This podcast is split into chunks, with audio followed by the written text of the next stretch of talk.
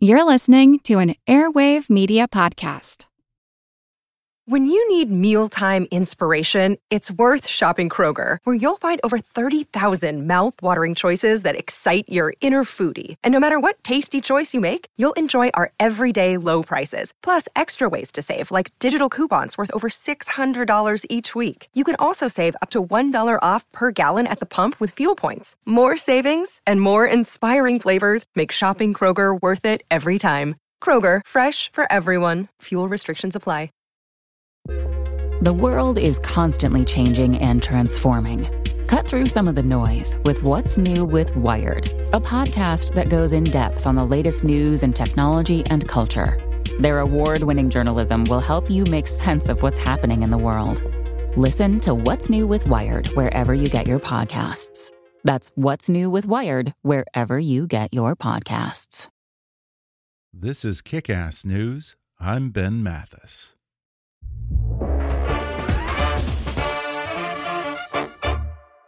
The 2020 presidential race is going to be the most high stakes election in at least a generation, and it all starts in Iowa.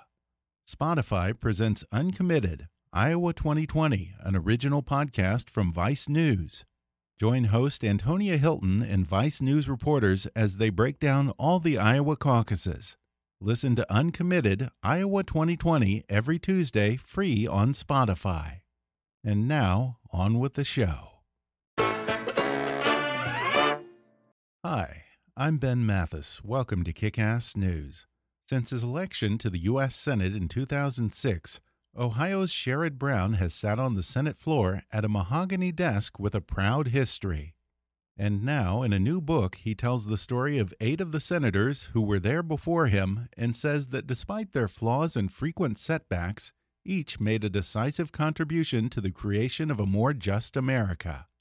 His book is called Desk 88 Eight Progressive Senators Who Changed America, and today Senator Brown joins me on the podcast to talk about it. He reveals how he first learned about the rich history of his desk in the U.S. Senate and how he grappled with some of the contradictions and controversies of the men who came before him, including one senator who was a former KKK member turned champion of civil rights. We discuss the singing cowboy who became a one term senator from Idaho who once spent a night in Bull Connor's Jail in Alabama and a senator from Wisconsin who was a legendary penny pincher and never missed a vote. Then Senator Brown talks about getting to a more movement oriented definition of progressivism, his belief in the dignity of work, and why he feels it's a winning message for Democrats running against Donald Trump in 2020. Plus, he opens up about his own decision to stay out of the Democratic presidential primary, whether or not he might reconsider in light of recent calls for him to jump into the race, and how he plans to approach a potential impeachment trial in the U.S. Senate. Coming up with Senator Sherrod Brown in just a moment.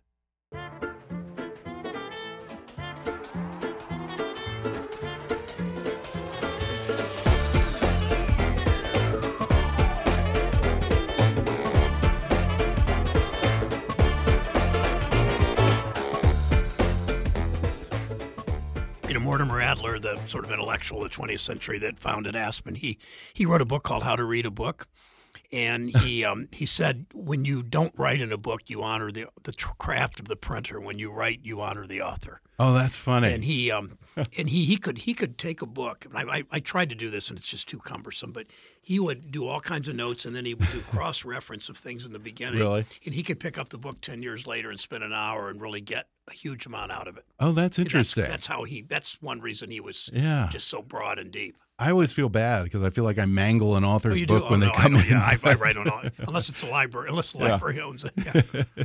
well, I'll give you a quick little intro here. Today I'm talking with Sherrod Brown, who is the senior senator from Ohio, an office he's held since 2006. For 11 of those years, he's been working on and off on a book about a fascinating piece of Senate history that he sits at every day in Washington. It's called Desk 88 Eight Progressive Senators Who Changed America. Senator Brown, welcome. Good to be here. Thank you. Well, I have to tell you, you know, right before the interview, my wife made me very self conscious about this because she said, Are you nervous about your desk? And I, I, asked her, What do you mean? She says, Well, he's coming over to your office and he's going to see your desk, and no one interesting or significant has ever sat at your desk. So, Why would your wife say such wah, a thing? Wah. So. Yeah. now, you know, on That's the face, funny. Yeah, on the face of it, a 354 page about a desk might not sound like the most gripping read, but apparently some pretty interesting and very significant men have sat at the very same desk that you now occupy in the Senate. How did you first learn about the rich history of Desk 88? For thank you for first. Um, it was all men. It was all white men. Uh, that's what the Senate's history has mostly been. And I mm -hmm. would, mm-hmm. if we were doing this interview in the hundred years from now, we would probably talk about the next eight senators who were women and people of color and probably more progressive because I think when a Senate looks more like this country, it, it tends to be. I uh, my first week on the job, or first maybe a second week, we were the 10 freshmen, because it's all done by seniority, were, mm-hmm. were deciding where we were sitting on the, on the Senate floor and the 10 desks that were left. And it occurred to me, you're not, you know, you're not sitting behind a, a post at Chavez Ravine. You're, you're, there's a good view everywhere. So yeah. someone had told me that senators um, had carved their names a bit like middle school, carved their names in the desk drawer. So I started pulling out desk drawers and I saw about the fourth desk I looked at, I saw McGovern, South Dakota, Gore, Tennessee, um, Hugo Black of Alabama and just one word, Kennedy. So Ted, then in the Senate in 2007, I, I said, Ted, come here a second. And he walked over and I said, which brother's desk is this? And he said, well, I guess it's got to be Bobby's because I have Jack's. and so I just started thinking about these senators. My, my wife, um, who is a, is a journalist, uh, knew that how much I liked history, and she went on went to eBay and started ordering eight or ten or twelve history books of the Senate about senators or about its history. Oh, cool! All of them out of print, pretty much. All of them really inexpensive, like four dollars or two dollars a book, because nobody was reading them. And that's kind of how I got started. And over time, over these ten or eleven years, I've read um, in the bibliography. You see that 150, 160 books about yeah. the Senate. Done 100 interviews. Um, and my, my favorite interview we can talk later about was about a gentleman that lives in this county, but we can get to that. Right. Yeah, and that's interesting that it's kind of just a free for all among the senators when it comes to picking a desk. I always assumed that it just got passed down by the state. Yeah, it, doesn't in part because I, I beat a Republican incumbent. Okay. And there's a middle aisle in the Senate. And if you stand in front of this, if you stand where the presiding officer sits, more or less in the front of the Senate, you look out, you can tell by looking at the middle aisle. If you're standing in front, to the left is the are the Republicans, to the right are the Democrats. And when I in, in by 2009, the Senate was 60 Democrats, 40 huh. Republicans. So the 60 were congested seats put closely together. The 40 were more sparsely arranged huh. because they literally unscrew the desk if if um, if I were to resign and the Republican governor appointed my replacement, um, they would unscrew a Democratic desk, maybe mine, maybe huh. not, and move it to the Republican side. So um, that okay. I mean, that's all. Nobody wow. really cares about any of that, but you ask. I do. maybe yeah. your wife does, yeah, and she talked about desks. But yeah. so so anyway, so I just um, I just, and I, I, think most most senators, as I found since this book came out, most of my colleagues, and some of them knew I was writing it. I mean, I didn't didn't make it a big deal, but did it at home when lots of time at home over the over the years. Um, that that they many senators hadn't even bothered much to look at who signed their desk because you have all huh. these committee reports and stationery and stuff in the desk, and you don't really think much about who yeah, sat there or what. And dig. you know, our society doesn't pay a lot of attention to history, as you know. I yeah. can tell you do when I walked in here and you talked about the building and the families in Pasadena. Oh, I'm a history nut. Yeah, absolutely. Yeah. Now, uh, progressive is in the subtitle of the book, and that's a term that seems to get thrown around a lot these days. I feel like it's almost taken on a different meaning than what you're talking about in this book. It's sort of become a broad synonym for the liberal wing of the Democratic Party as opposed to being tied to a specific social movement. What's your definition of progressive? Well, I, I, I say in historical terms this that, and I write a good bit about this. Ralph Waldo Emerson said history's a, a, an ongoing battle for decades, maybe centuries of of he used the word conservators and innovators.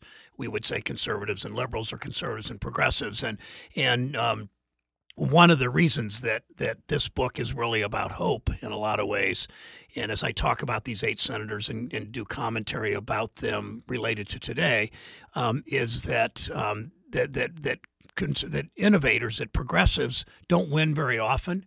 There have really been three progressive eras in the last hundred years. They, they, they we don't win often, they don't last long, but the victories are huge. So you think about everything from workers' compensation to minimum wage to Medicare to civil Mm-hmm. rights to protections for the disabled to Pell Grants to the Wilderness Act.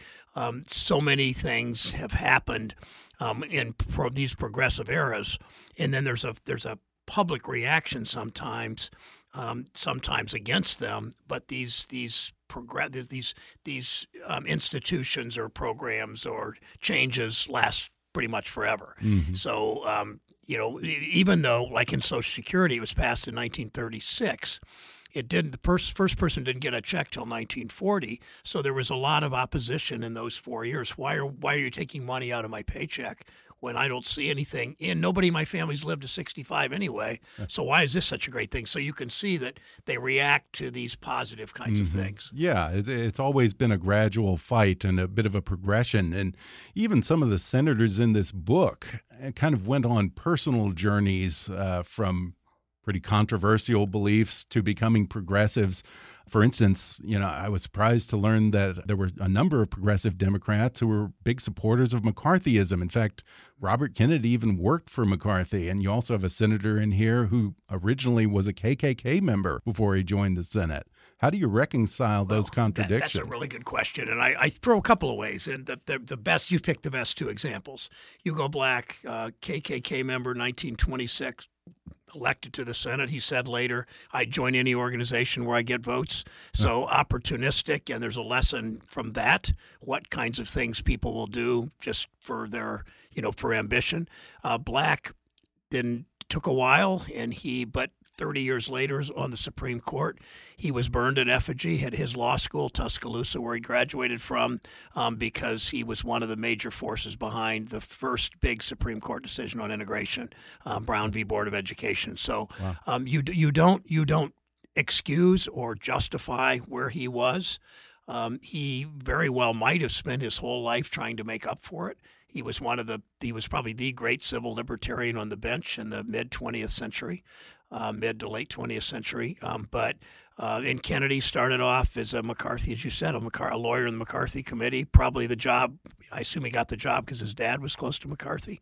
Um, Kennedy then wiretapped Dr. King in 62 or three, I think 63. Kennedy, what we what a lot of us love about Bobby Kennedy the last three years of his life, um, he he more than made up for it. So um, that's that's. But you've got to give if you're going to ask people to change, you've got to give them you got to give them credit when they do, and you got to embrace their change. But you don't forget, particularly if it's something as awful as the KKK. Yeah, and Bobby Kennedy, he's one. It's hard to know what to make of him sometimes because in his day, particularly when he was a senator and AG, you know, he was sort of ruthless, a calculating guy, and then he became this big progressive leader and. Hugo Chavez and the workers here in California. Uh, what was the turning point? Was it Well, Jack's death? I, I I can't. I mean, so many books have been written about Bobby Kennedy that I don't pretend to. Um, I mean, I, I never met him. The only senator of these eight that I met was George McGovern. I got to know him sort of well in the last years of his life. Um, Kennedy is certainly everybody says how he changed because of his brother's death. Um, and the tragedy he had as a family. I mean, you think of all the tragedies of well, of- that Ted had to go through, even Yeah. more obviously than Bobby.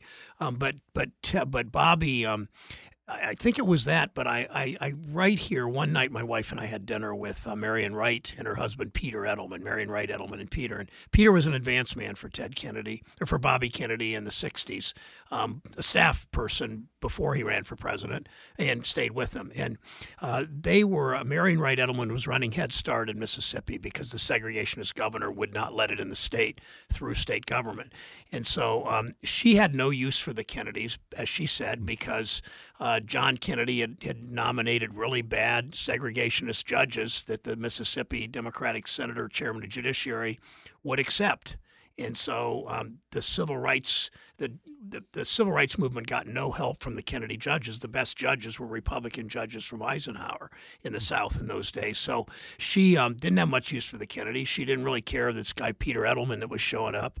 Um, she ended up marrying Peter Edelman, but she grew to like Bobby because she saw an immense capacity for empathy that she said she never really saw. She's almost never seen in her life, let alone from a U.S. senator. When he walked into this very rundown shack with some of the poorest people in the nation, and he picked up a little baby that had sores and dirty, and she said, "I wouldn't have wanted to pick up this baby." And said Bobby sent all the um, all the press out. He didn't want this filmed, and she said she just saw something uncommon in him. Now you mentioned that you had met McGovern. I think he's the only one of these eight yeah. that you actually met. What was he like? Um, I, very nice, and I, I mean, I, I, got involved in politics in part from the, the war move, the anti-war movement in the early '70s, and and and George McGovern. And McGovern had a good sense of humor and could laugh at himself. I mean, he tells a story that you know he lost when he lost in 1972. He won only Massachusetts and the District of Columbia.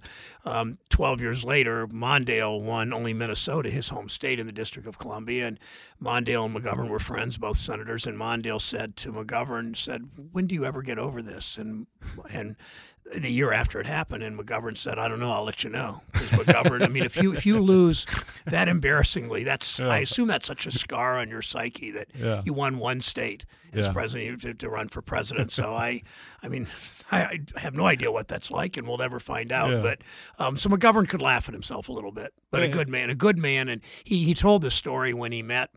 He did a lot of things on world hunger, and Right. He, um, one day, I mean, well, well, he talked. He one day he met Pope John the twenty third, and and he said to him, uh, "When you, Mr. McGovern, when you meet your Maker, you can tell him that you fed the poor."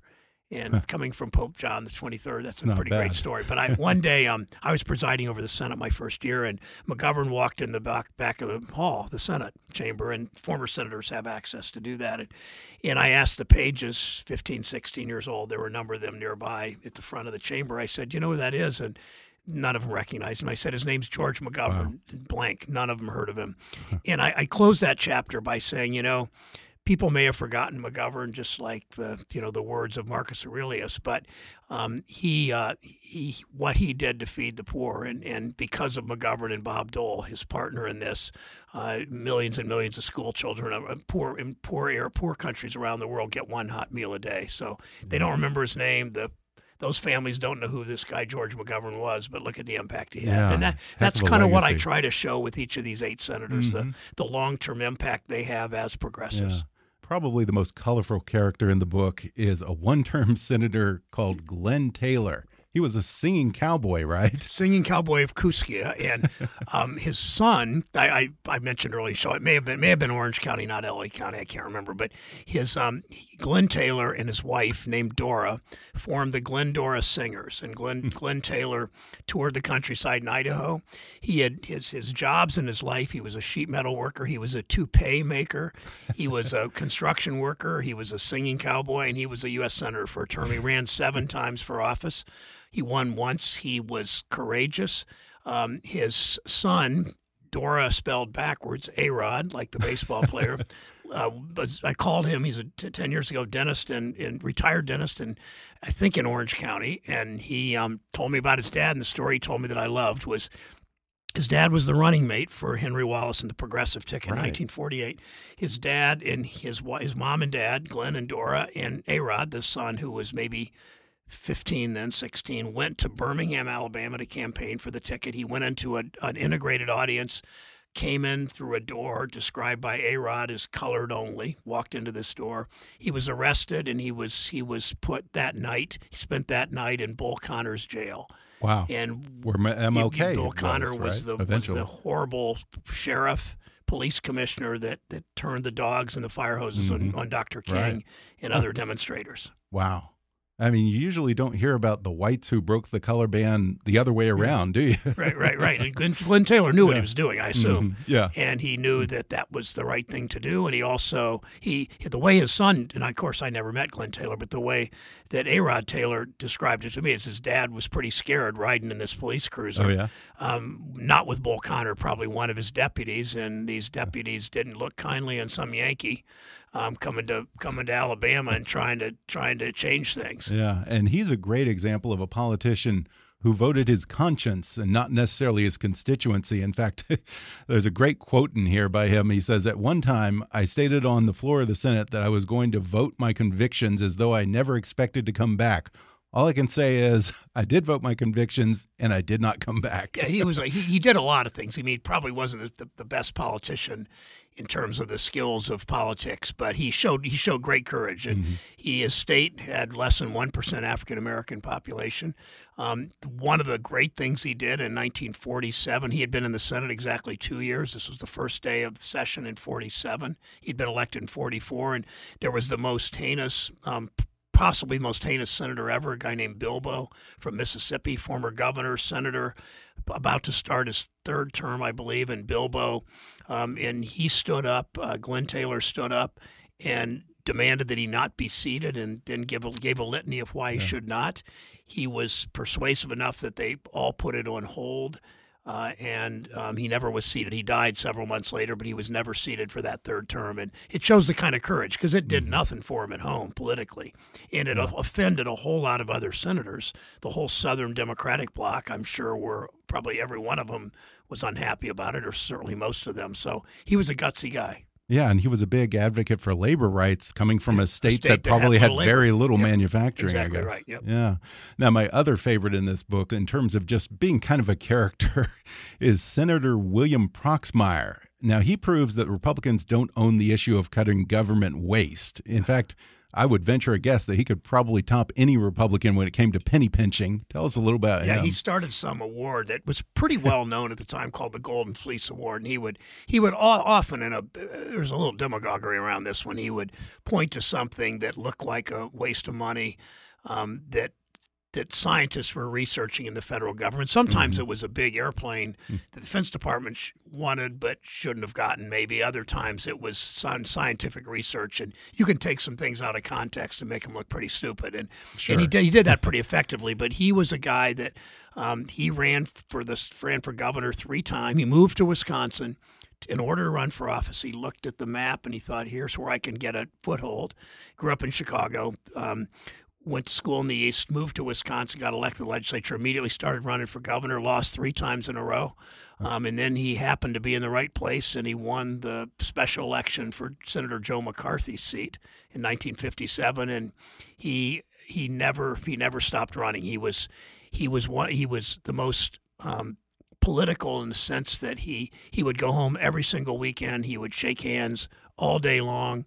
He would he never had to spend any money in his campaign. The only money he spent was to send back to buy stamps and envelopes to send checks back to contributors because he had met he had just met so many people. The um, Herb Kohl, the his successor. Um, as a private citizen, a Jewish Jewish man. There's a reason I say that. Was in Easter Sunday was at a diner in Eau Claire or somewhere in Wisconsin. Herb Kohl was, and and um, Bill Proxmire walked in Easter Sunday, walked table to table, shaking hands. I'm Bill Proxmire. I'm Bill Proxmire. Even on Easter Sunday, he never stopped doing that. It made him very reelectable, but it, as the book points out, it, it, it didn't mean that he looked back thinking that was kind of the way to live his life. Yeah, I think he also had the what the record for the most consecutive roll call votes or something. Yeah, he never missed a vote. He um, for and he, he also he was also really tenacious. And Yeah. um, there's a there was a uh, sort of a human rights um, arms control uh, resolution that most countries in the world had, had ratified, and the U.S. hadn't. And he went to the floor day after day after day after day after day for years until he finally got it.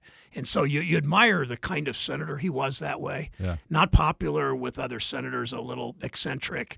Um, kind of a, a both a show horse and a, and a and a workhorse, but especially a show horse. And senators don't like other senators who are show horses. I mean, people don't like hot dogs, right? Generally, and whether you're playing sports right. or whether you're in media like you are, Sure. or whether you're in politics.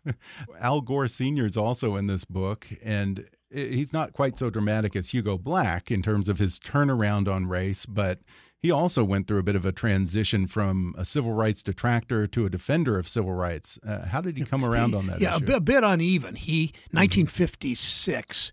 early in his Senate time, he refused when Strom Thurmond tried to publicly embarrass him, refused to sign the Southern Manifesto. Only three senators refused to sign it, and that was a statement by Southern conservative segregationist Democrats in those days against the against Brown v. Board of Education. Um, but then he then he voted but that was good. Then he voted against the vote the Civil Rights Act in 1964, even though his son Albert, who was a teenager then, and his daughter, who was a little older, just begged him to vote for it. The next year he voted for he was reelected. The next year he voted for the Voting Rights Act. He was the only Tennessee politician of either party in either house to come out against the Vietnam War. And then he opposed the two racist picks to the Supreme Court that Nixon had, Carswell and Haynsworth. So it just appeared that Gore, at some point in his career in his third term, decided um, life's too short. If I lose because of what I'm doing, I'm going to do the right thing. So mm-hmm. uh, you can see that maturity and that – um, attitude in a number of these that, that got better. Senators that got better with age. Certainly, the three you brought up, Black, mm-hmm. um, Black, Gore, and Kennedy, certainly did that. Uh, were there any senators who've sat at your desk who you wish hadn't sat at your um, desk that you I haven't thought of that out? question. Um, I got to think through. I, I, nobody that I think sat there that was a particularly bad bad guy. Really? I think, and again, they were all white men because those mm-hmm. were the eras, and that was the era, and that will change in the future. Um, one guy was a Louisiana senator whose name I can't even remember that was pretty lost to history um, pretty bad, but he also helped to start the National Institutes of Health. So, huh. I mean, there's people are yeah. are complex creatures, and there weren't many Southern senators in those days that were very good on civil rights. Yeah. They just weren't, yeah. and some of them some of them were particularly hateful. Gore was never that. Gore was, but he voted wrong on some things. Mm-hmm. But he he really, I think, tried to make it up um, with the rest of his career, mm-hmm. particularly his third term. Uh, were there Republicans who sat at your desk? Uh, no, well? I don't believe no? any Republicans. None. So okay. they, as I said, they'll unbolt the desks and move oh, them, right, but most right. desks don't get moved. Okay. And and um, and no Ohioan sat at my desk, no huh. Republican to my knowledge, no women, and that that that's what the desk was because yeah. that was the Senate. Something that comes up in this book, and it's sort of a consistent theme that you often talk about, is the dignity of work.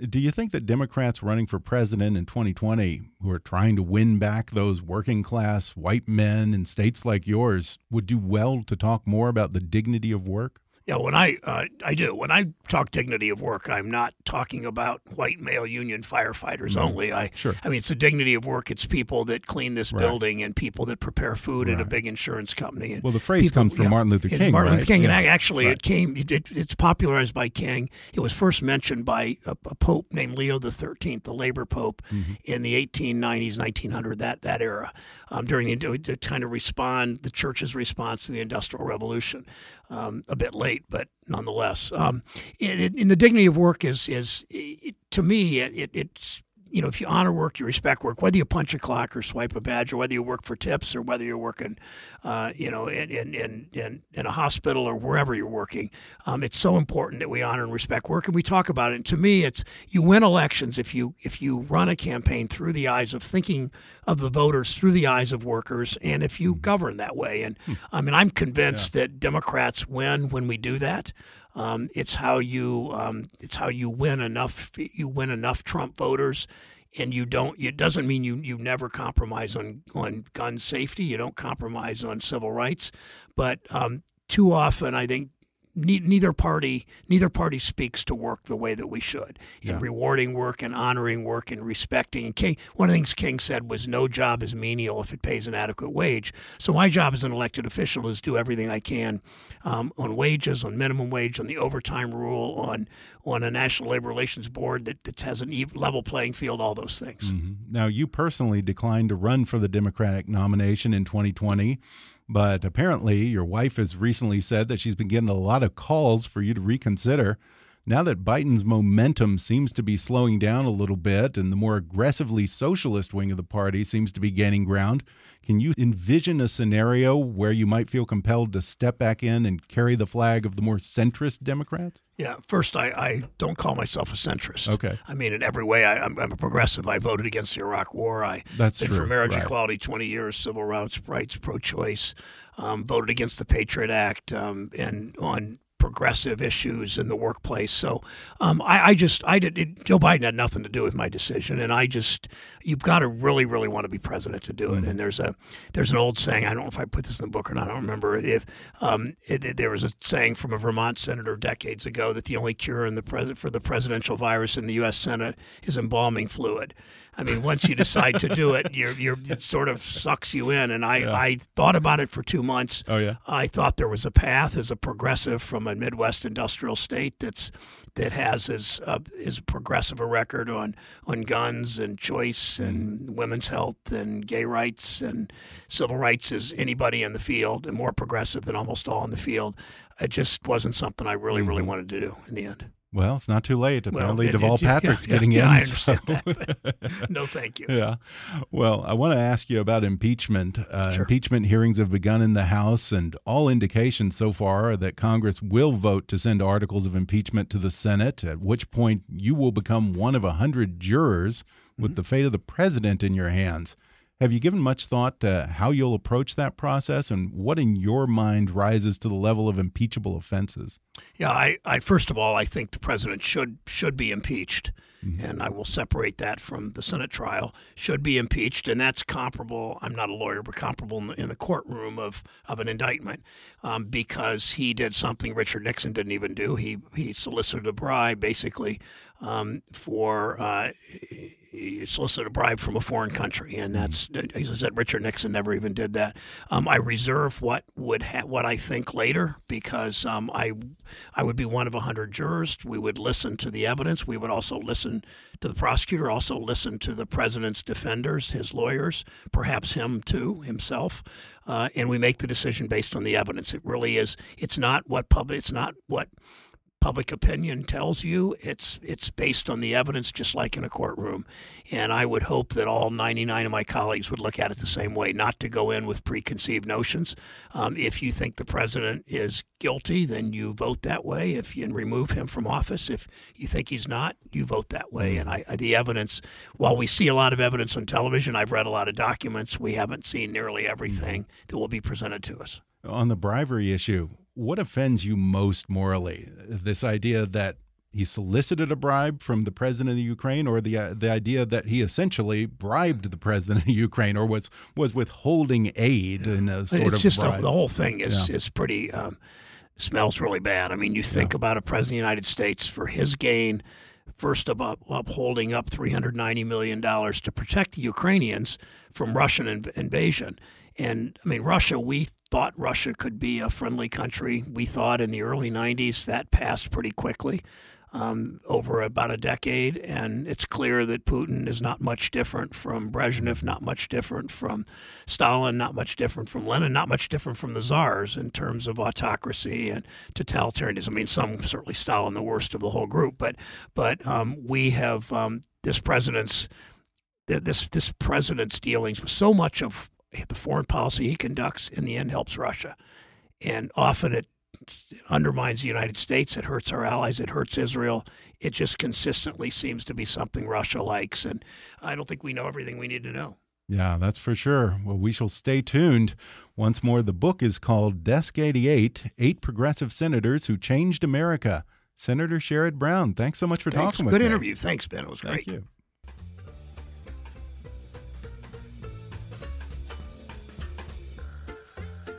Thanks again to Senator Sherrod Brown for joining me on the podcast. Order his new book, Desk 88 Eight Progressive Senators Who Changed America, on Amazon, Audible, or wherever books are sold. And follow him on Twitter at, at SEN Sherrod Brown. If you enjoyed today's podcast, be sure to subscribe to us on Apple Podcasts and rate and review us while you're there.